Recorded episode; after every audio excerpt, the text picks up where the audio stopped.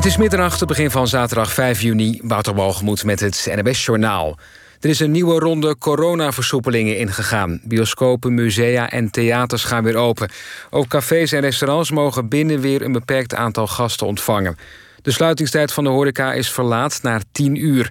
Verder gaan casino's, sauna's, wellnesscentra en zonnestudio's weer open. Ook regels voor sporten worden versoepeld. Sporten in groepen is weer toegestaan, al mogen volwassenen nog geen competitie spelen. De volgende versoepelingsstap staat gepland voor 30 juni. Dierenartsen van de Nederlandse Voedsel- en Warenautoriteit hebben een waarschuwing gekregen van het Veterinair Beroepscollege voor een aantal varkenstransporten in 2019. Dat meldt dierenwelzijnsorganisatie Animal Rights. Dierenartsen van de NVWA gaven toestemming voor het vervoer van zieke dieren. Er zaten varkens tussen die pijn leden, mank liepen of abscessen hadden. De politie in Frankrijk heeft in havenstad Calais een illegaal kamp met zo'n 500 migranten ontruimd. Vanuit de stad in het noorden van het land proberen migranten illegaal het kanaal over te steken naar Groot-Brittannië. Volgens de Franse krant Le Monde verbleven in het kamp Iraniërs en Soedanezen. Onder hen bevonden zich zeker 30 kinderen. In het midden en zuiden van het land hebben hoosbuien wateroverlast veroorzaakt. Op verschillende plekken liepen straten onder... en in Geldrop is een spoorbrug onder water komen te staan. In Eersel liep onder meer een café onder water... en in Eindhoven kwamen auto's vast te zitten in volgelopen tunnels. Ook uit Zeeland komen berichten over ondergelopen straten... en in Doetinchem sloeg de bliksem in op het dak van een woning. Het weer nog. Er trekken nog altijd stevige buien over. Lokaal met onweer, hagel en veel regen in korte tijd. In de loop van de nacht nemen de buien wel in kracht af. Overdag eerst bewolkt en wat regen, later droger en vooral in het westen zon. Het wordt dan ongeveer 18 graden. Dit was het NWS Journaal. NPO Radio 1. VPRO. Nooit meer slapen.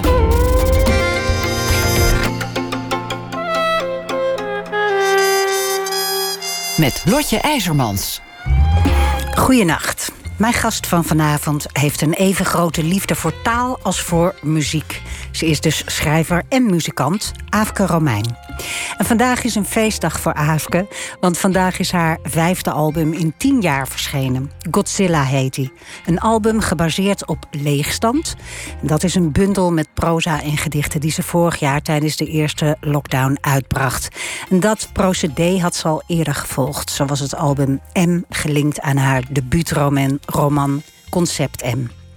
Aafke Romein leidt al haar hele leven aan depressies die komen en gaan. De bundel Leegstand ging over doodlopende steegjes, onverlichte straten en leegstaande huizen die dienden als metafoor voor haar hoofd tijdens zo'n depressie. En op die desolate plek gaat dan dus het monster Godzilla tekeer. Het album gaat over depressie en herstel. Niet dat het zwaarmoedige muziek is die Afke Romein maakt, helemaal niet. Het is heerlijk bubbelende electropop, maar dit keer wel met heel persoonlijke teksten. Afke Romein is 35, studeerde Nederlands aan de universiteit en compositie aan het conservatorium. Woont in Utrecht met man en kind. Ze werkt ook als journalist en columnist en was een uitgesproken opiniemaker op Twitter, maar nu niet meer. Nou, daar komen we misschien uh, straks nog wel uh, over te spreken. Maar eerst welkom, Afke. Hartstikke leuk dat je er bent. Op deze dag dat je vijfde uh, album is verschenen. Je bent heel erg uh, geïnteresseerd in, uh, in, in steden en in huizen en in straatjes en pleintjes. Hoe komt dat? Um, ja, goede vraag. Um, ik denk om, omdat ik het makkelijker vind om te kijken naar gebouwen dan te kijken naar mensen. Mensen direct aankijken vind ik altijd een beetje spannend. Um, en ik vind het heel makkelijk om te schrijven over gebouwen. Omdat je, ja, je kan ze zo lang bekijken als je wil. Uh, zij blijven ongeveer hetzelfde Um, maar je blik verandert steeds. En ja, ze zijn zo ontzettend bepalend voor hoe wij ons voelen en hoe wij ons bewegen en uh, ja, uh, hoe wij leven eigenlijk. Dus alles wordt bepaald door de architectuur waarin wij ons begeven. En um, ja, ik, ik merk dat ik da daarom gewoon heel uh, ik weet niet, heel logisch vind om daar heel veel over te schrijven of zo. Ja, je let er Ja. ook echt op als je over straat fietst. Ja, of, ja, eh, enorm. Ja, Ja? ja? Ja, Ik, ik ben altijd, ik weet niet, ik, ik heb altijd het idee dat gebouwen gewoon dat die bezig zijn een verhaal te vertellen op de een of andere manier. Eh, maar ja, niemand luistert. En ik probeer altijd een soort van te luisteren en te kijken van, hé, hey, wat leeft hier? Wat gebeurt hier? Wat, wat, wat is hier? Ja, wat heeft dit gebouw meegemaakt en gezien? Ja, ja, is het ook een soort eh, historisch eh, besef, zeg maar? Dat... Ja, ook wel. Ja, absoluut. Dus het is wel zo dat ik af en toe ook gewoon helemaal eh, overwhelmed kan zijn als ik een gebouw tegenkom dat echt heel oud is. En je probeert te bevatten hoeveel mensen daar binnen en buiten zijn gegaan in de loop der jaren. En wie er allemaal dood zijn gegaan, tenminste, daar denk ik Precies, altijd ja, aan. ook dat. Hoeveel mensen er gewoond hebben en gebo- geboren en gestorven zijn. Ehm, ja, dat, dat is soms ook wel heel veel. Wat is je lievelingsgebouw, of heb je dat niet? Eh, de Inktpot in Utrecht. Wat is dat? Dat is het eh, hoofdgebouw van ProRail. Het staat vlak naast het, eh, het station. Het is een heel groot modernistisch gebouw. Het is het grootste. Ik weet niet of het nog steeds het grootste bakstenen gebouw van Nederland is, maar dat was het in ieder geval op het moment van oplevering. Ehm, uit mijn hoofd, jaren 20, denk ik. Mhm. Ehm, en het is, ja, het is gewoon, het is een ontzettend groot gebouw. Het is heel vierkant. Eh, het is heel, heel eh, overdonderend bijna als je ervoor staat. Eh, en dus helemaal van baksteen. Dus dat heeft iets, ja, je kan de schaal ervan bijna niet inschatten als je erop afloopt. En als je erop afloopt je ziet het steeds groter worden, dan is het net alsof het bijna over je heen valt of zo. En ben je er wel eens binnen geweest? Nee, dat is dus heel lastig. Want het wordt nog steeds, eh, na al die jaren, eh, ja, zeg maar, het wordt nu dan de ProRail gebruikt. Het is altijd van NS geweest. Ehm, en nu zit het hoofdkantoor van ProRail er. Dus het is gewoon in gebruik. Ja. Dus je kan er niet zomaar naar binnen lopen. En het grappige is, het is een heel groot gebouw, maar het heeft een heel klein ingangetje. Dus echt gewoon twee van die houten deurtjes waar je dan naar binnen gaat. En eh, ja, je, komt er niet zomaar binnen, helaas. En waarom zijn eh, eh, huizen en straten en pleinen zo'n goede metafoor voor dat gevoel van leegte en depressie? Ja, ik denk dat gebouwen overal echt voor heel veel dingen metafoor kunnen zijn. In dit geval was het depressie, eh, omdat ik zelf verkeerde in een depressie. Dus dan zie je dingen ook in dat licht. Ehm, en dan zie je ook vanzelf gebouwen die nooit afgemaakt zijn, of die leeg staan, of die op de een of andere manier gemankeerd zijn. Ehm, eh, maar ja, ik denk omdat gebouwen voor mij echt leven, dus echt soort, bijna een soort individuen zijn, die, die, die een karakter hebben, die iets hebben meegemaakt. eh, ja, zijn er altijd gebouwen die dus die je heel mooi kan gebruiken om iets te illustreren of een emotie te illustreren. En ik vind het makkelijker om dan een gebouw te omschrijven dan om die de emotie zeg maar in de persoon te omschrijven of in een gelaatsuitdrukking of in woorden. Dat, dat vind ik veel ingewikkelder. Ja, die, die bundel van jouw leegstand, die ontstond eh, toen je door Tilburg werd gevraagd om wat over die stad te schrijven, door Tilt, een eh, Ja. festival. Ja, klopt. En, eh, en dat, toen je dat deed, was je toen depressief? Ja, nou ja, niet toen ik, eh, eh, niet toen ik ja zei tegen de opdracht. maar eigenlijk vrij snel daarna belandde ik echt in een hele zware depressie. En tijdens het schrijven ook. Dus dat ging ook niet zomaar over. En ehm, eh, ik wist eigenlijk al voor die depressie dat ik sowieso. Als je, weet je, ik heb alleen ja gezegd omdat ik Tilburg een heel interessante stad vind. Ook qua architectuur. Omdat mensen het vaak Omdat er lelijk geen oud vinden. centrum is?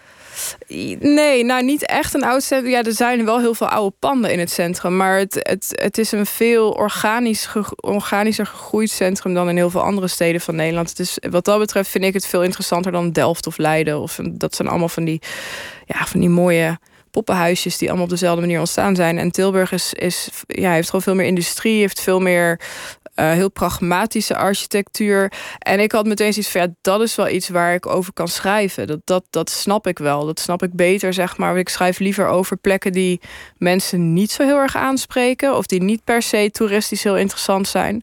Ehm, en wat ik ook heel fijn vond aan Tilburg... is dat, eh, dat er heel veel gesloopt en gebouwd wordt. Altijd, maar nu al helemaal. Dus het hele, weet je, het hele halve centrum ligt open. Er worden allerlei nieuwe, enorme dingen gebouwd. Er wordt veel gerenoveerd. Ehm, ja, en dat is, dat is te gek om over te schrijven, om te kijken wat daar gebeurt. Ja.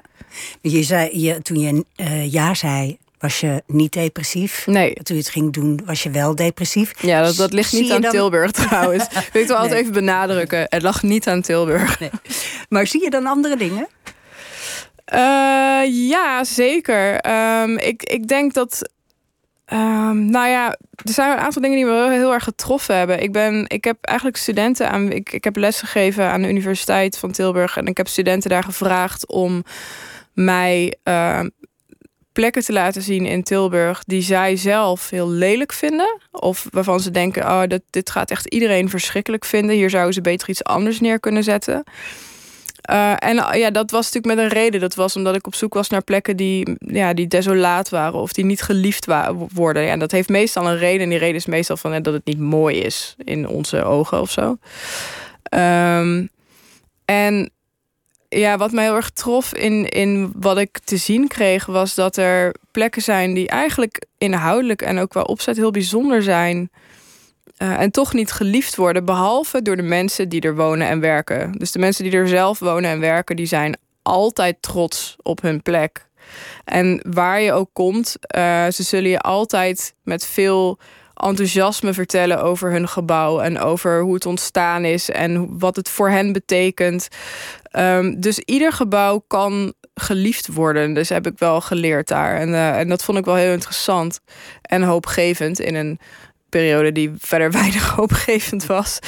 Um, maar ja, het, het, het heeft me in die zin het heeft me gewoon naar andere dingen getrokken. Dus die depressie trekt je naar plekken um, uh, waar, de, waar de liefde uh, of waar de hoop ontbreekt. Of, of wordt weggehaald soms ook. Dus het gaat ook over plekken die gesloopt worden... terwijl de bewoners er nog heel blij zijn... en helemaal niet weg willen bijvoorbeeld. ja, dat, dat is, dat zijn dan wel heel interessante locaties. Ja, die hebben van zichzelf een soort uh, treurnis eigenlijk. Ja, of daar gebeurt iets dat wringt of dat in ieder geval uh, ja, interessant is. Die bundel kwam uit en toen dacht jij, nou dat, dat, dat is nu in de wereld, maar ik ben nog niet klaar. Er moest nog meer geschreven worden over, over huizen, maar ook vooral eigenlijk over jouzelf en over de depressie. Ja. Dat had je nooit eerder zo gedaan, hè? Want ehm, meestal verzin je gewoon personages die iets meemaken of iets zien. Of, of, of je schrijft over een snelweg. Of, over eh, Joseph Haider heb je zelfs geschreven. Ja, Je schrijft over van alles, maar niet heel specifiek over jezelf meer. Nee, ja, ik, ik als kunstenaar of als maker, ehm, eh, ik, ik begeef me heel veel op sociale media en daar gaat het vrijwel altijd over mezelf. Dus ik heb het eigenlijk nooit heel interessant gevonden om in mijn werk dan ook nog een keer over mezelf te gaan praten, omdat het een soort van ja. eh, ik vind het ook wel overkill. Ik, bedoel, ik, ik vind mezelf echt wel heel leuk en zo, maar zo interessant ben ik nou ook weer niet. Eh, plus, ja, ik heb, best, ik heb best een levendige fantasie. Dus als je je zou beperken tot alleen maar je eigen leven en je eigen sores, dan zou ik heel veel dingen niet kwijt kunnen die ik toch bedacht heb. Ehm, ja, dus dat is de reden dat ik eigenlijk ook altijd over anderen geschreven heb. Over verzonnen personages en situaties en werelden. Ehm, maar ja, in, in dit geval. ehm, ja, er waren gewoon een aantal dingen die bij elkaar kwamen. Het was, het was eh, ik was gewoon heel depressief. En in depressie is er vrij weinig ruimte voor verbeelding. En is er heel weinig ruimte voor iets anders dan jezelf. Dat is gewoon je wordt er heel egocentrisch van, helaas. Ehm, dus het was al heel, het was heel moeilijk om daaruit te kruipen. Eh, en ik merkte ook gewoon wel, zeker in die laatste depressie, ehm, dat op het moment dat ik daarover schreef of sprak, dat dat op zoveel, dat ik zoveel reacties kreeg van. Eh, van mensen die, ehm, die zich herkenden of die zeiden van ik leer hier iets van, eh, want ik ken het zelf niet, maar eh, nu weet ik iets beter hoe ik mensen kan helpen. Dus ik, ja, er zijn weinig onderwerpen die zoveel reacties uitlokken. Dus ja, het voelde op een gegeven moment wel een soort van logisch om dan een keer te zeggen, nou dan ga ik daar ook gewoon mee verder, dan ga ik daarover schrijven, want het is blijkbaar iets waar mensen toch, toch ondanks alles nog steeds niet makkelijk over spreken. Nee, er is altijd nog steeds, eh, nog steeds eh, eh, een soort schaamte over, toch? Ja, Ik denk wel Ja. dat het minder wordt door mensen Zeker, zoals jij ja. die er open over nee, praten. absoluut. Ja. Zullen we even gaan luisteren naar één nummer van je plaat? Want eh, de mensen die jou nog niet kennen, die kunnen dan horen wat voor muziek jij maakt. Ja. Het nummer wat we hebben uitgekozen is een prachtig nummer, dat heet Zelf. Kun je iets vertellen waar, waarover dat gaat? Ja, ik heb het geschreven eigenlijk voor iedereen eh, die zorgt voor iemand, voor de naaste van mensen die dus eh, psychiatrisch patiënt zijn. Ehm, en ja, dat is omdat ik wilde gewoon echt wel heel eerlijk zijn op dit album. En ik merkte dat een van de dingen waar ik toch altijd heel erg mee blijf zitten, ook als een depressie weer over is, uh, is dat je ontzettend veel gevraagd hebt van je omgeving. En je kan, zo weinig, je kan heel weinig teruggeven. Ik denk dat ja, op dat nummer kreeg ik ook heel veel reacties van mensen die gewoon andere chronische ziektes hebben, die, die daar ook heel veel herkenning in vonden. Uh, dus je leeft eigenlijk met een soort constant schuldgevoel, omdat je het idee hebt dat je iedereen tekort doet, omdat je altijd maar aandacht vraagt in plaats van dat je iets terug kan doen. Um, en ja, dat is, ik vind dat een heel lastig te accepteren ding. Dus daar heb ik dat nummer over geschreven.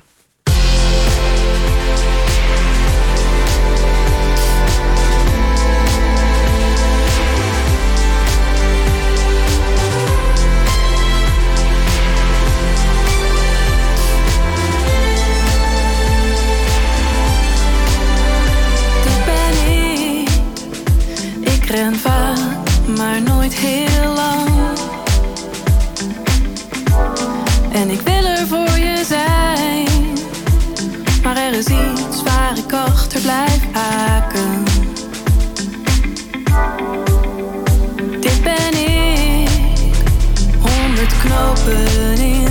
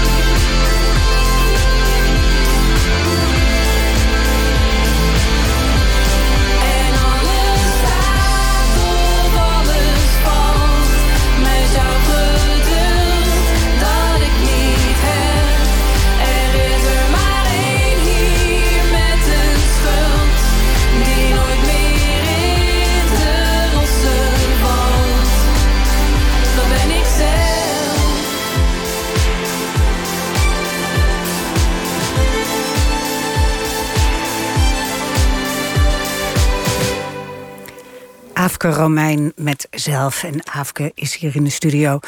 Hoe zit je te luisteren naar zoiets? Ik zag je best wel streng kijken.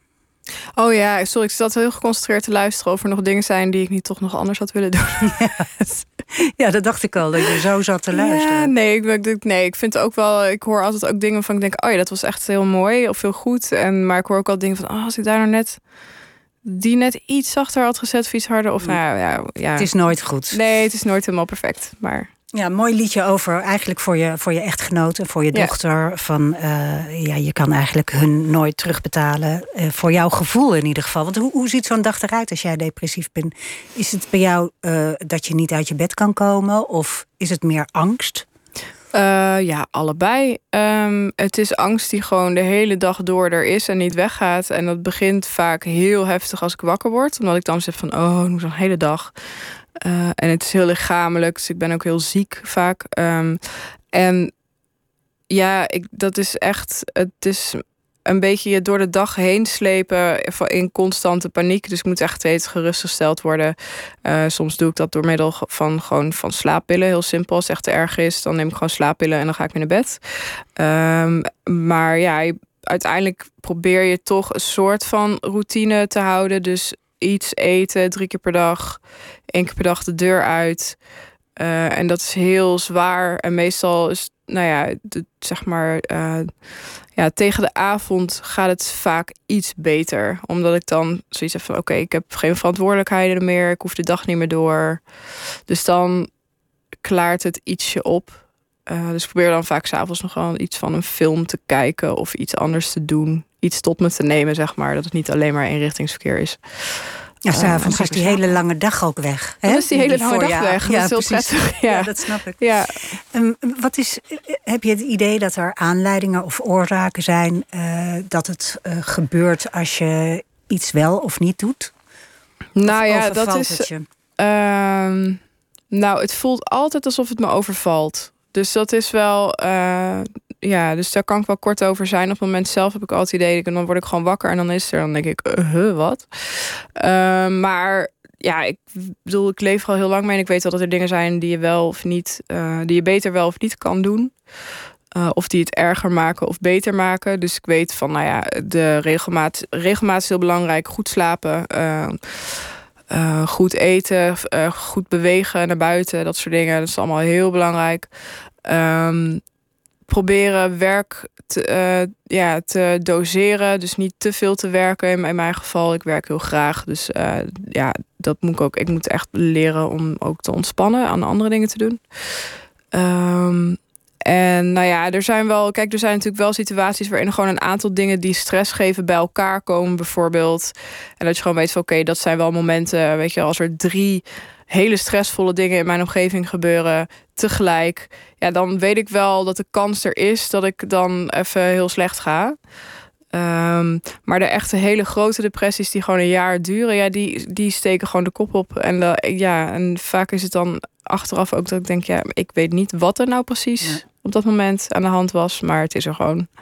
Wat, is de kern van je depressie? In de zin van, uh, wat is het grote conflict? Of waarin heb je het gevoel dat je tekortschiet? Of, of waar leid je het meeste onder? Uh, de angst. De, um, angst en zinloosheid. Dus het is alsof je opeens, alsof iemand een gordijn wegtrekt en je ziet de zinloosheid van alles. En je kan ook niet meer denken van ja, maar ja, het is gewoon leuk, daarom doen we het. Weet je wel, we zijn er nou eenmaal. Of uh, nee, het is gewoon bij alles is het. Ja, maar waarom? Het is echt nergens goed voor. En de hele tijd. Um, en dat leidt automatisch tot een soort van enorme angst. Namelijk de angst dat je de zin van het leven kwijt bent eigenlijk.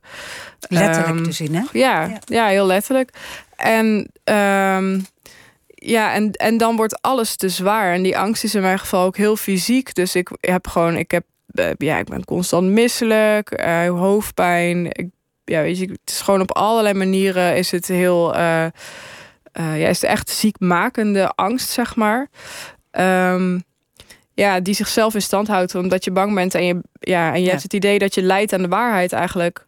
Dus, ja, precies, ja. want jij denkt dan natuurlijk dat dat is hoe het is. Precies. En dat je normaal ja. gesproken, als je wel gelukkig bent, dat je dan misleid bent. Nou ja, dat je dan een, dat je dan een soort van cognitieve dissonantie accepteert eigenlijk. Dus ja. dat je het idee hebt van ja, we weten allemaal dat het zinloos is, maar we kunnen daar een laag overheen leggen waarvan we weten dat die dat die gecreëerd is door ons eigenlijk.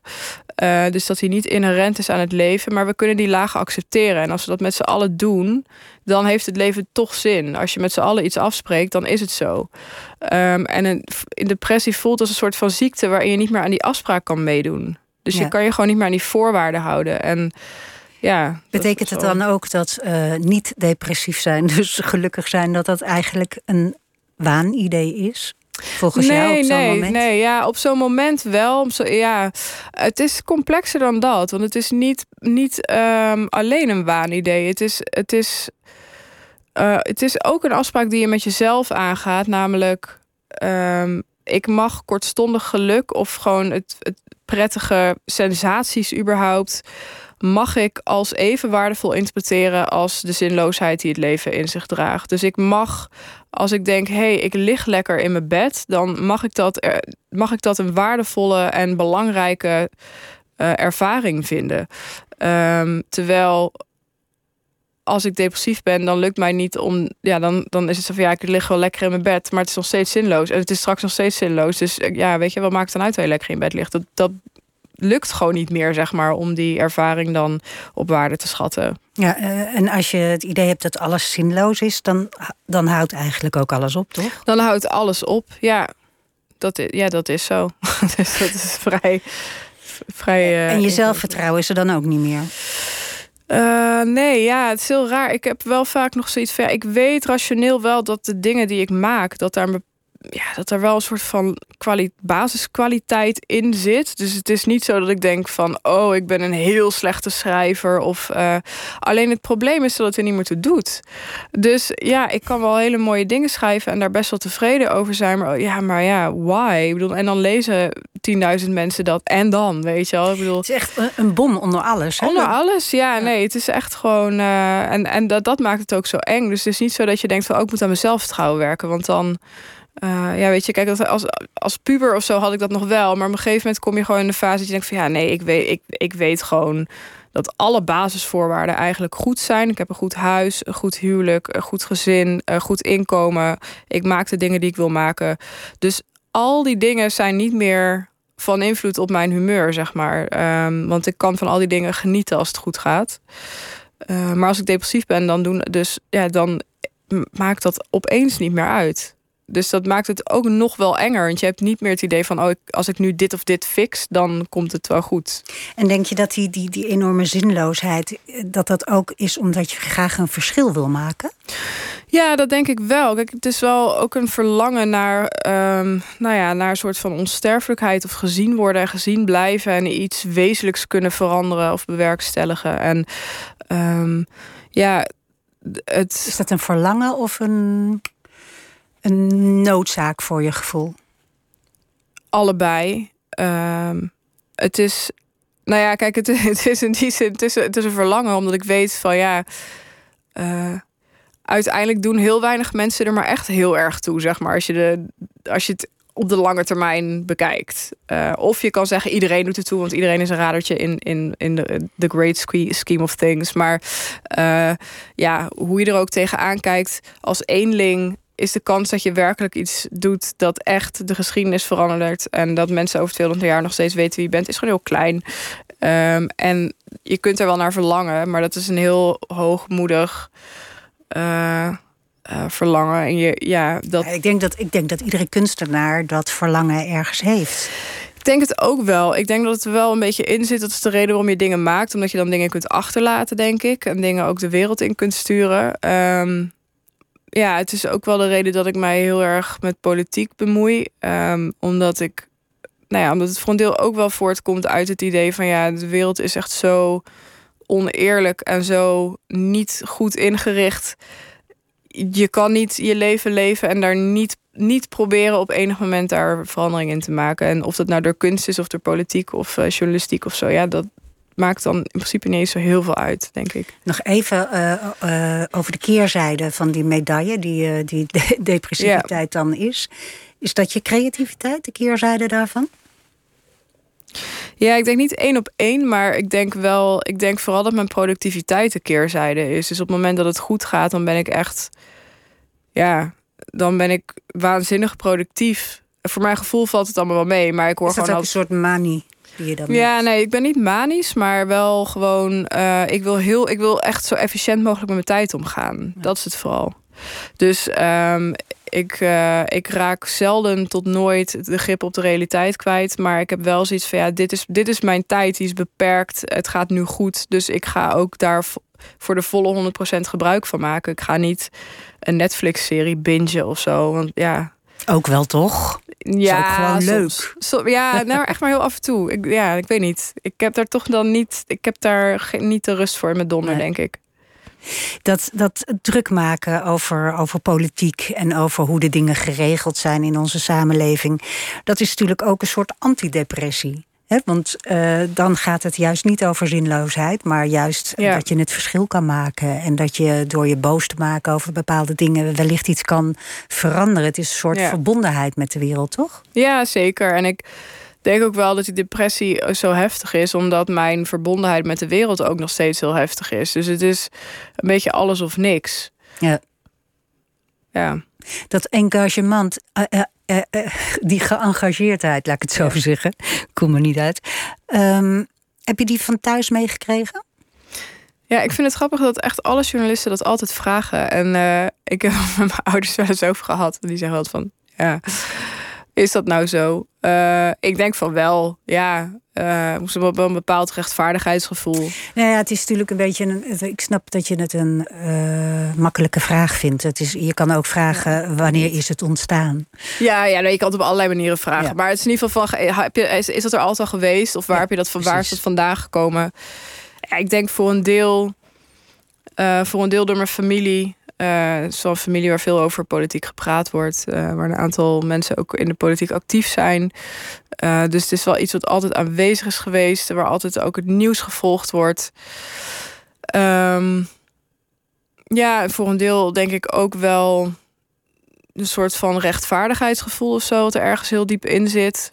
Ehm, dus dat ik echt gewoon, ja, dat dingen eerlijk moeten zijn en dat ik het niet kan verdragen als dat niet zo is. Dat ik dan zoiets heb van, ja, dat moet opgelost worden. Ehm, Wanneer had je dat voor het eerst? ja, echt gewoon zolang als ik me kan herinneren. Ik, ehm, ik geef vaak het voorbeeld van dat ik op mijn zesde of zo erachter kwam. eh, dat Noorwegen weer op walvissen was gaan jagen. En dat ik toen echt in het hele dorp handtekeningen heb opgehaald om naar Greenpeace te sturen.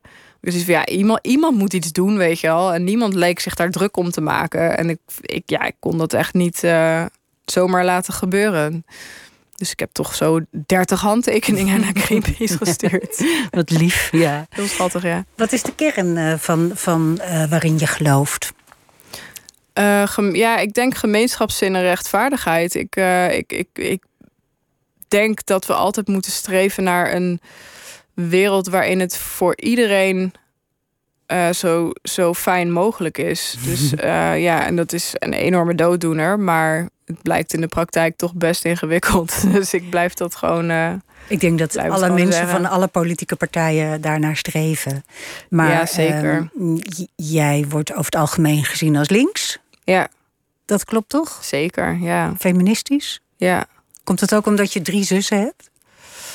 Nee, dat denk ik niet eens. Dat je Ehm, daardoor een soort eh, gevoel voor vrouwelijke gemeenschapsgevoel hebt? ehm, Gemeenschapszin. Ik weet het niet. Ik denk dat het ook gewoon komt omdat me, ik kom wel uit een familie van feministische vrouwen. Vrouwen die carrière hebben gemaakt of die dat niet hebben kunnen doen of mogen doen en daar heel erg ongelukkig van zijn geworden. Dus ik heb wel een soort van, ja, die bagage draag je wel mee, zeg maar. Dus je zegt van ja, je moet wel echt gewoon vechten voor je, voor je plek.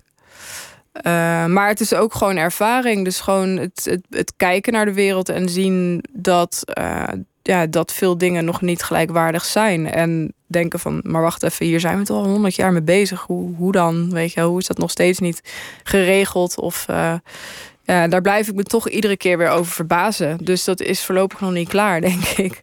Nee, dat, dat hoort ook heel, feminisme hoort ook heel erg bij die, dat gevoel van rechtvaardigheid. Dat dingen Ja. gelijkwaardig moeten zijn. Ja, maar het is ook, weet je, het is veel globaler ook dan het is feminisme, maar het is ook antiracisme, anticolonialisme. Het, is, het zit in, en, en zeker ook in, in, in dierenrechtenactivisme in mijn geval. Ik, ja, eh, gelijkheid is zo'n radicaal eh, begrip eigenlijk, als je, het, eh, als je het zo breed mogelijk interpreteert, dat, ehm, ja, dat als je daar werkelijk als je daar werkelijk in gelooft, dan heeft dat best wel enorme consequenties. ehm, in je denken, in je doen. Eh, dus, dat, dus het is. Het lijkt altijd een dooddoener, maar als je er werkelijk mee aan de slag gaat, dan is het opeens best wel een, eh, eh, ja, een, opgave. In je, in je eerste roman hè, ging het ook over een, een dat was dan een rechtsradicale actiegroepering. Heb, heb je affiniteit met het activisme? Ja, Ja, zij, ik vind, zij, eh, ehm, dat was fictie en zij ja, ja, legde een zeker. bom, maar toch? Ja, nou ja, ik, ik, ehm, ik vind activisme altijd heel ingewikkeld. Omdat ik, eh, ik ben van nature best wel een, een, een eenling, denk ik. Dus ik voel me in groepen altijd een beetje dat ik denk van... ja, dit zit een addertje onder het gras. Ik kan hier niet helemaal bij horen. Ik heb nooit het verlangen gehad om op te gaan in een groep... of eh, om ergens heel erg bij te horen. Ook al is het soms wel fijn. Ehm, dus op het moment dat je activisme gaat bedrijven, dan, eh, ja, dan is de eerste teleurstelling eigenlijk altijd dat binnen de groep waarin je je bevindt, altijd mensen zijn met wie je het eigenlijk toch niet helemaal eens bent. En om massa te creëren, zul je toch ook mensen moeten omarmen die het niet helemaal met je eens zijn. Uh, en dat heeft hele mooie kanten, want het, het kan wel echt um, heel leerzaam zijn en heel constructief om uh, nou ja, om zoveel mogelijk mensen te betrekken bij jouw project. Maar ik zie ook vaak dat het tot hele nare dingen leidt. Uh, nou ja, ik noem maar uh, moeders die hun kinderen niet willen laten vaccineren, die opeens op Wiebren van Haga gaan stemmen van Forum, uh, omdat hij dan toevallig zich uitspreekt tegen een vaccinatieplicht. Ja, dat zijn voor mij wel voorbeelden van ik denk, oeh, weet je wel, het kan het kan zo destructief zijn om je op één onderwerp te focussen en van daaruit een groep te formeren en maar gewoon iedereen erbij te laten die ook maar vagelijk zich daarmee affilieert. Um, dus ja, ik vind, ik vind schrijven, oh, schrijven en uh, praten en um, dat soort dingen vind ik. Nou ja, dat vind ik ook een vorm van activisme. En dat vind ik makkelijker activisme dan de straat op gaan en dingen roepen. Uh, je hebt nooit een een of andere activistische actie gedaan? Oh, zeker wel. Ja, nee, ik voel het me wel als mijn plicht om er wel aan mee te doen. Dus okay. ik ga wel... Wat heb je gedaan bijvoorbeeld? Nou ja, um, uh, ik ben ooit begonnen met demonstreren tegen, uh, tegen de inval in Irak van George W. Bush. Dus echt gewoon op 14-jarige leeftijd. Um, ik ben bij, uh, nou ja, bij, bij onderwijsdemonstraties geweest toen ik zelf nog uh, studeerde, toen ik les gaf ook. Um, uh, maar ook dingen als Black Lives Matter. Um, ja, echt best wel een aantal acties gedaan tegen, de, in, tegen de, de bombardementen op Palestina. ja, jeetje, er is, er is ja, best wel eigenlijk ook wel weer best wel veel. Uh, maar ik ben niet iemand. Weet je, je hebt echt mensen die zich helemaal vastbijten in het activisme op de straat. En daar echt gewoon een hele carrière van maken. Waar ik echt ook heel veel respect voor heb. Maar dat is niet mijn ding. Daar heb ik toch altijd. Ik ga naar acties toe. Omdat ik het gevoel heb dat het, mijn, dat het toch mijn verantwoordelijkheid is om die massa te creëren. Um, dat is wel ja. grappig, want jij voelt je heel verantwoordelijk. Hè? Je voelt je dus ook verantwoordelijk om, uh, om het, uh, het, leven inhoud te geven, uh, om dingen te veranderen, dingen te benoemen. Waar komt dat vandaan, die enorme. Ja, dat is de grote hamvraag. Ik, ik weet het niet. Ja, nee.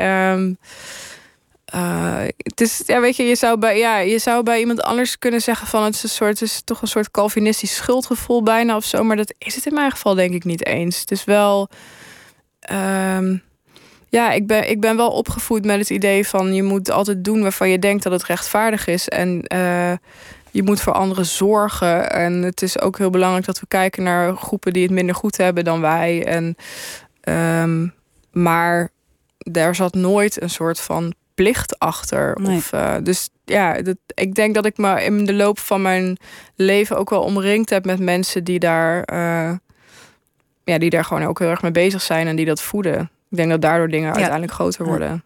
Ja. Um, je maakt je ook heel erg druk over zoiets als het CBR. Ja. dat is toch het Centraal Bureau Rij, Rijvaardigheid? Ja, klopt. Ja. Waar maak je je druk over? Nou, uh, ik kan heel slecht tegen mensen die tegen bureaucratie waar mensen in vastlopen en die mensen echt in de problemen brengt. Um, nou ja, we hebben net uh, die hele toestand gezien met, uh, met toeslagen natuurlijk. Dat is een heel extreem voorbeeld. Uh, maar nou ja, ik kwam toevallig zelf in het moeras van het CBR terecht... omdat ik als psychiatrisch patiënt keuringen moet ondergaan... om een rij rijbewijs te verlengen. en die keuringen die lopen gewoon heel slecht. Die zijn heel slecht geregeld. Um, de administratie bij het CBR is echt een grote chaos... waardoor mensen soms een jaar lang gewoon zonder rijbewijs zitten... als ze gekeurd moeten worden.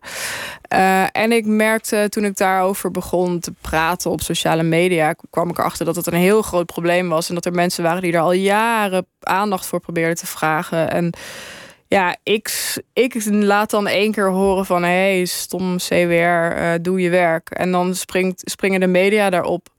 Dus dan voel ik ook daar weer een soort verantwoordelijkheid van ja, oké, het is heel fijn dat er naar mij geluisterd wordt, maar achter mij staan, nou ja, in dit geval waren het letterlijk tienduizenden mensen die in dezelfde problemen zaten, maar die niet gehoord werden, omdat ze nou eenmaal niet zoveel volgers hebben of eh, de connecties hebben. Uh, en daar zaten echt verschrikkelijk schijnende verhalen tegen. Dus dan vind ik toch dat ik die positie die ik heb te gelden moet maken. Dus dat ik dan toch degene ben die dan naar Den Haag gaat om daar met zoveel mogelijk Kamerleden over te praten. Uh, en ja, niet omdat ik het nou zo'n interessant onderwerp vind. Het is ja, fucking CBR, weet je wel. Ik bedoel, we hebben het over, maar. Um, ja, ik heb dat met het CBR, ik heb het met de Kamer van Koophandel, ik heb het met die toeslagen uh, in, in andere vorm dan deze toeslagenaffaire, maar ook al wel eens aan de hand gehad. Um, ja, en het is gewoon heel. Uh, ik, ik geloof namelijk heel erg in dat een overheid een heel constructieve macht kan zijn en moet zijn binnen een samenleving. En, en uh, dat een uh, machtige en krachtige overheid helemaal niet iets slechts is. Alleen het probleem is dat dit soort toestanden uh, altijd uh, argumenten geven aan mensen die zeggen: nee, we moeten de overheid, ja, overheid juist verkleinen. Je kan hem niet vertrouwen. Het is één groot complot en de overheid moet afgeschaft worden. Dus een soort van rechts richting, extreem rechts richting complotdenker. Dus ja, het doet me gewoon pijn. Omdat ik gewoon zeg: ja, je snijdt jezelf daar als samenleving zo mee in de vingers als je dat soort dingen zo slecht organiseert. Het moet zoveel beter kunnen. Is dat verantwoordelijkheidsgevoel van waaruit jij dan opereert? Is dat ook. Nou ja, ook gewoon boosheid hoor. Ik word er ook gewoon heel kwaad van. En ik heb dan zoiets van ja, hallo. Dit moet gewoon geregeld worden. En ik weet, ik weet dat in Den Haag dingen heel lang duren. Dus ik weet ook van ja, je moet dan soms inderdaad nog vijf jaar lang appen en bellen met Kamerleden die er dan nog zitten, die dat dossier nog kennen. Om het toch weer een keer op tafel te krijgen. Weet je, het is.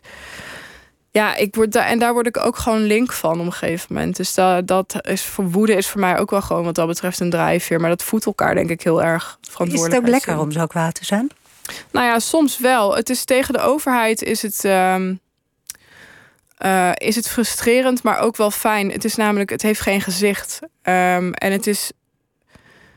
Ja, het is soms. Het is toch prettiger boos zijn tegen een gezichtsloos, mm -hmm. gezichtsloze instantie, omdat het dan nooit ontaart in een soort van titanenstrijd tussen twee mensen. Want ja, dat is, dat wordt, dat is altijd lelijk, zeg maar. Uh, en een, een strijd met de overheid leidt er, nou ja, in, weet je, in het geval van het CBR werd de directeur ontslagen. Ja, ik, dat is dan niet per se iets waar ik blij van word, want dat is weer een persoonlijk ding. Um, maar dat zou wel kunnen leiden tot uh, dat het uiteindelijk beter georganiseerd wordt. En dat is iets waar ik wel op zit te wachten. Je hebt, uh, je, hebt je in de, in de laatste jaren ongelooflijk uitgesproken op Twitter. Ja. Um, volgens mij heb je bijna 90.000 tweets gedaan. Klopt oh, dat? dat zou best wel kunnen, ja. Tenminste, ja. ik las dat het in 2019 waren er uh, meer dan 85.000. Dus ja, ik, dacht, ik geloof nou, dat ik de 100.000 nog wel aangetikt heb, ja. ja. Mijn god. Ja. Was je daar de hele dag mee bezig? Nou ja, de, wel tussen alles door. Maar ik was wel de hele dag inderdaad online. En de hele dag aan het lezen, ja. En ook aan het lezen om te weten wat je ging twitteren? Ja, en ook om andere mensen te lezen. Te lezen wat er gebeurde. Um, het, was, ja, het is een fantastische bron om op de hoogte te blijven van dingen. Uh, om te weten wat er in Den Haag allemaal speelt. Uh, wat er in Europa speelt. Um, nou ja, en ook gewoon de rollen en erachter klappen, wijze van spreken. Het is van alles en nog wat. Uh, maar ja, dat is wel dat is een soort verslaving, een soort van nieuwsverslaving die je dan ontwikkelt. Waardoor je gewoon altijd. Ja, de krant is niet snel genoeg. Nu.nl is niet snel genoeg. Teletext is niet snel genoeg. Uh, het staat eerst op Twitter. Dus daar moet je zijn. Ja, maar dan moet je ook zijn om, uh, om een standpunt te maken. Want je was echt wel een. Uh, Zeker, ja, nee, absoluut. Ja, nee, ik had ook altijd mijn mening daarover. Maar het is zeg maar het consumeren van Twitter nam natuurlijk meestal de meeste tijd in, mm. in beslag. Uh, en het zelf actief zijn was maar een deel daarvan eigenlijk. Dus ik was ook wel de hele dag aan het tweeten hoor, daar niet van. Maar. Um, ik denk dat de meeste tijd ook gewoon echt ging zitten in het lezen. Je, je, je, je profileerde jezelf daar als, als links, als feminist, als mm -hmm. actievoerder. Um, het heeft je Wat heeft het je opgeleverd? Nou, allereerst een heleboel hele, of een heleboel, het, het, het valt wel mee, maar een aantal hele, hele eh, fijne vriendschappen. Ik heb echt mensen leren kennen door Twitter. Hoe werkt dat? Ehm, nou ja, dat is heel simpel. Eh, je bent gewoon heel vaak aan het converseren met iemand. En op een gegeven moment zeg je: Yo, zullen we een keer een kopje koffie drinken? En zo begint het. Ehm, ja, dus het dus heeft heel, heel fijne dingen opgeleverd. Het heeft een heel groot netwerk opgeleverd. En in mijn geval, ja, hoe pervers het ook is, het heeft me ook heel veel media-optredens opgeleverd. Het was heel vaak zo dat als ik dan weer ergens een relletje had ontketend, dat ik dan toch wel weer ergens mocht komen praten daarover. Ehm, het heeft me ook heel veel politieke contacten opgeleverd. Dus gewoon eh, contacten in Den Haag. Ehm, en ja, maar het levert daarnaast ook een heleboel gezeik op. Ja, het is, het is wel, het is van allebei een beetje. Je hebt ontzettend veel eh, haat over je heen gekregen, toch? Ja, dat klopt. Hoe zag dat eruit, die haat? Ehm, ja, dat. Eh, het enerzijds is die haat op Twitter. Dus gewoon mensen die eh, ja, echt de meest lelijke dingen naar je hoofd slingeren, al dan niet anoniem. Ehm, en tot, tot aan doodsbedreigingen aan toe, zeg maar. Ehm, en daarnaast, buiten Twitter, eh, zie je gewoon dat mensen bijvoorbeeld gaan proberen om ja, je, het wachtwoord van je website te kraken, bijvoorbeeld. Of van je, van je, nou ja, je, je, al je sociale media accounts binnen te komen. eh, je aan te melden voor allerlei nieuwsbrieven waar je niet eens op zit te wachten. Dingen bestellen op je naam en laten bezorgen op bij je huis.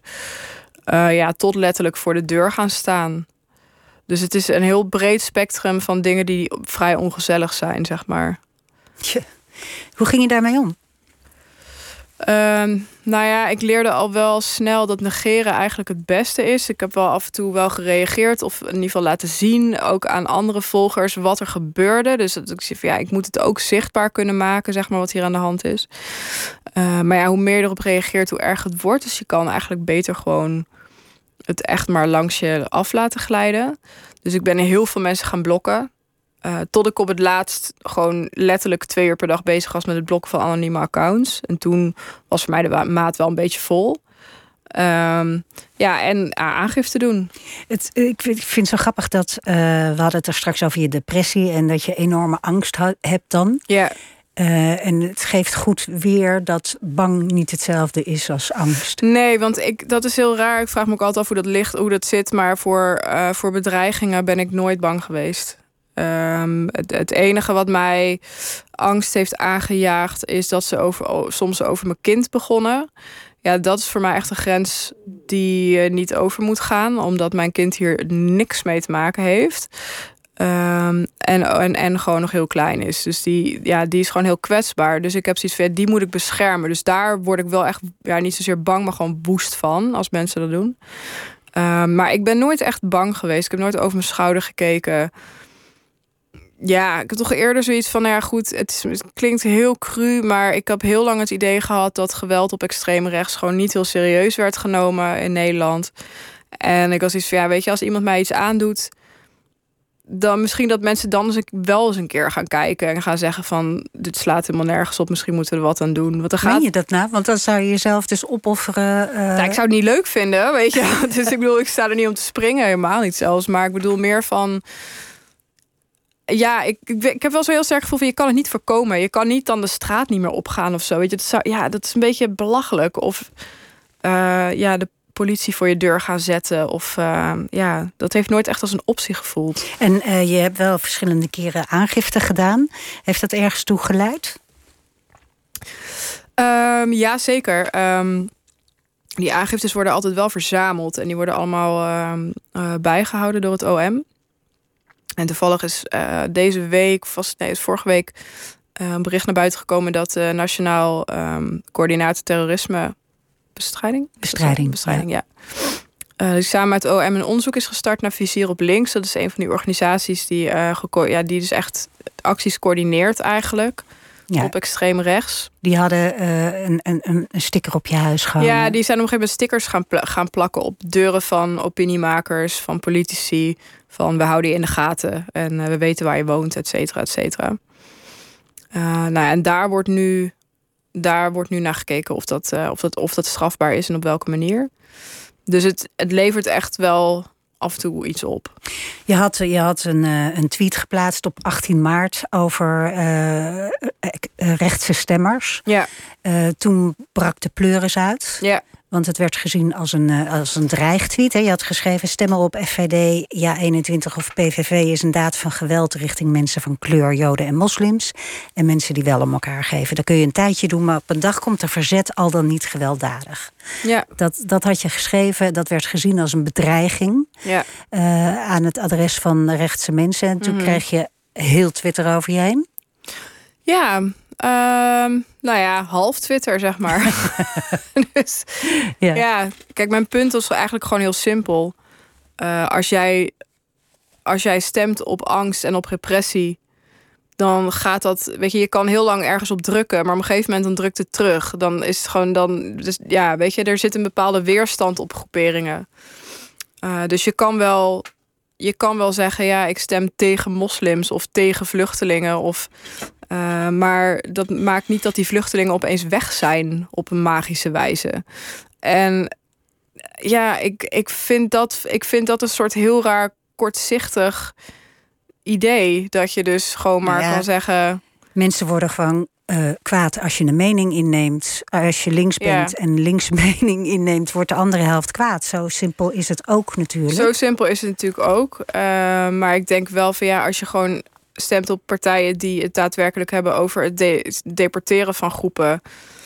Uh, ja, dan, dan kun je het niet heel raar vinden dat die groeperingen die, waar, die zeg maar, ja, waarvan ze zeggen dat die dat zouden moeten ondergaan, dat die zichzelf niet gaan verdedigen of zo. Dat zou heel raar zijn. Dus ja, uh, ik vond het een heel logisch gevolg. Ik had iets weer, je kan het wel doen en je kan die partij wel heel groot maken. Maar ja, er gaat een keer een, een gek opstaan aan de andere kant die iets gaat doen. Jij, jij uh, hebt toen zoveel shit over je heen gekregen. Plus die sticker op je huis van dat vizier ja. op links. Dat je dacht, ja. het is mooi geweest. Ik vertrek van Twitter. Ja.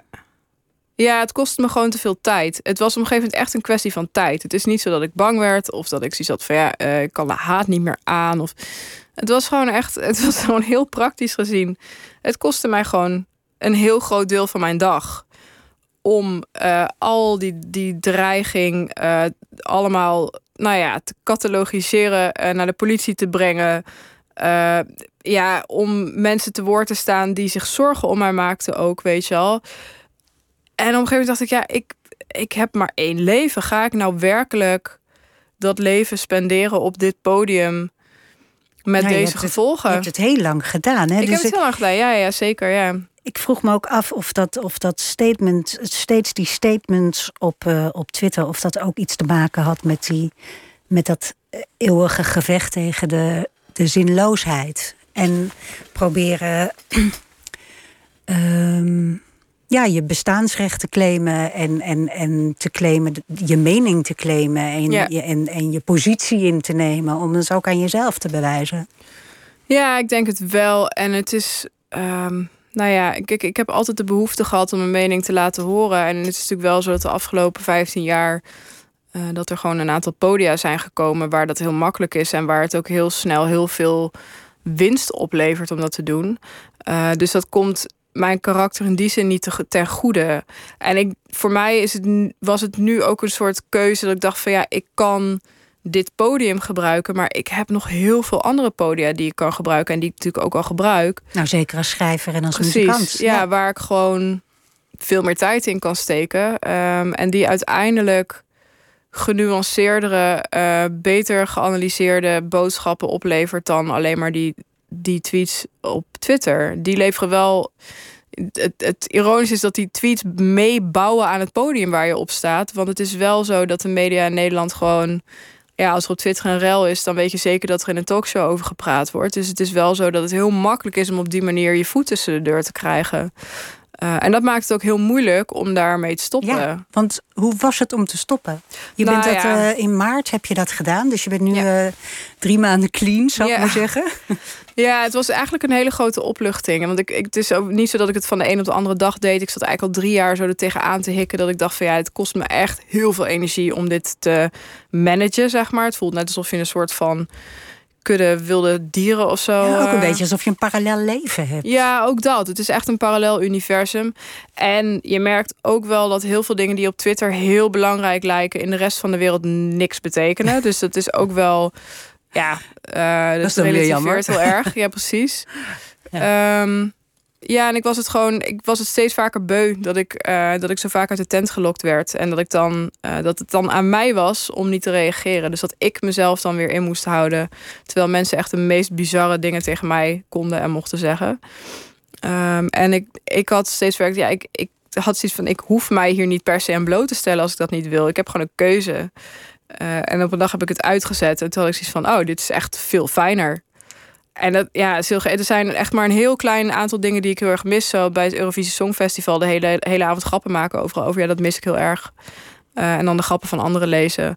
Eh, het samen sport kijken. Eh, dus ja, tijdens de Tour of de Giro, dan mis ik het heel erg. Maar En je politieke Ja. meningen? ja, nou die voor een deel gebruik ik die nu gewoon echt voor langere stukken. Dus ja, gewoon ja, long read, zeg maar. En voor een deel kan ik het ook op Instagram kwijt, waar het gewoon veel eh, minder makkelijk is om eh, te trollen. Nou ja, en waar het ook niet zo eh, gepolariseerd is.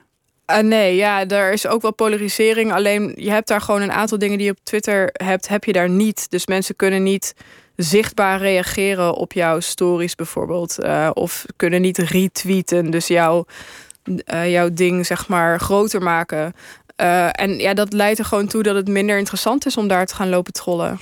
Je, je hebt ergens gezegd in de laatste weken van, eh, van Twitter afgaan eh, lijkt een beetje op uit een abusive relationship stappen. Ja. Een gewelddadige relatie. Vond Ja. het eigenlijk wel een hele mooie vergelijking. Omdat, omdat je daar ook haat en klappen krijgt, zeg ja, maar. ja, zeker. En je went daaraan. Je gaat Ja, het normaal precies. vinden. Je gaat het Eh, normaal je gaat het vinden. normaal vinden. Je denkt, het hoort er nou eenmaal bij. Ehm, Voel je dan nu eh, schoner, zeg maar? ja, dat weet ik niet. Want ik. Kijk, het ding is, ehm, eh, het gebeurt nog steeds. Alleen ik zie het niet meer altijd. Maar ik weet dat het gebeurt. Het is alleen wel heel prettig dat het niet meer de hele dag in mijn gezichtsveld gebeurt. Ehm, maar ik krijg nog steeds wel eens dingen dat ik denk van... oh ja, het is nog steeds gewoon wat het is. En het, het is... Mensen op Wat Twitter bedoel hebben- je? Je moet iets concreter gaan. nou ja, dat er nog steeds heel veel over mij gepraat wordt. Eh, dus op Twitter, maar ook op Telegram, in anonieme groepen.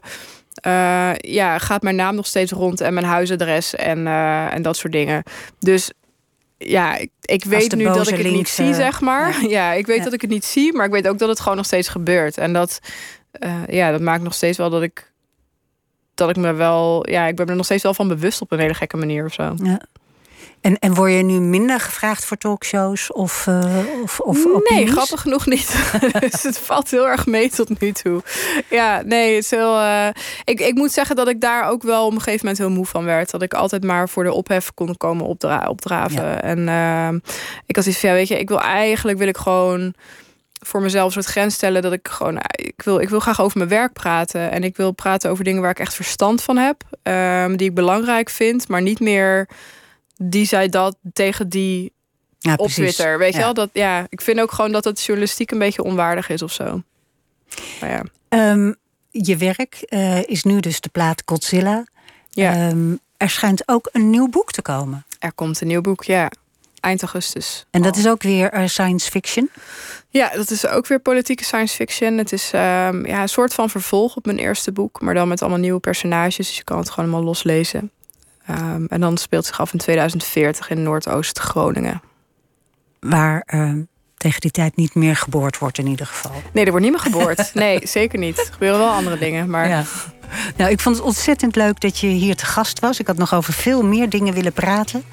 Ehm, ik kan even vertellen dat ehm, jij live gaat spelen samen met Bram Iven en Hidde Roorda. Donderdag 17 juni in Lommel in België.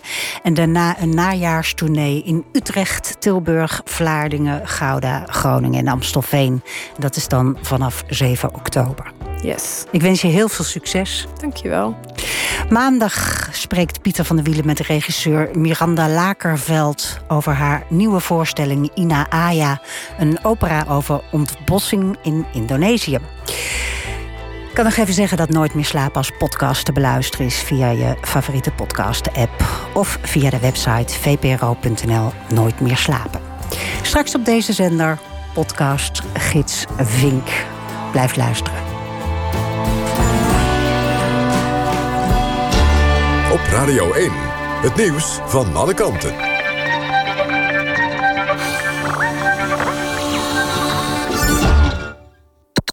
NPO Radio 1.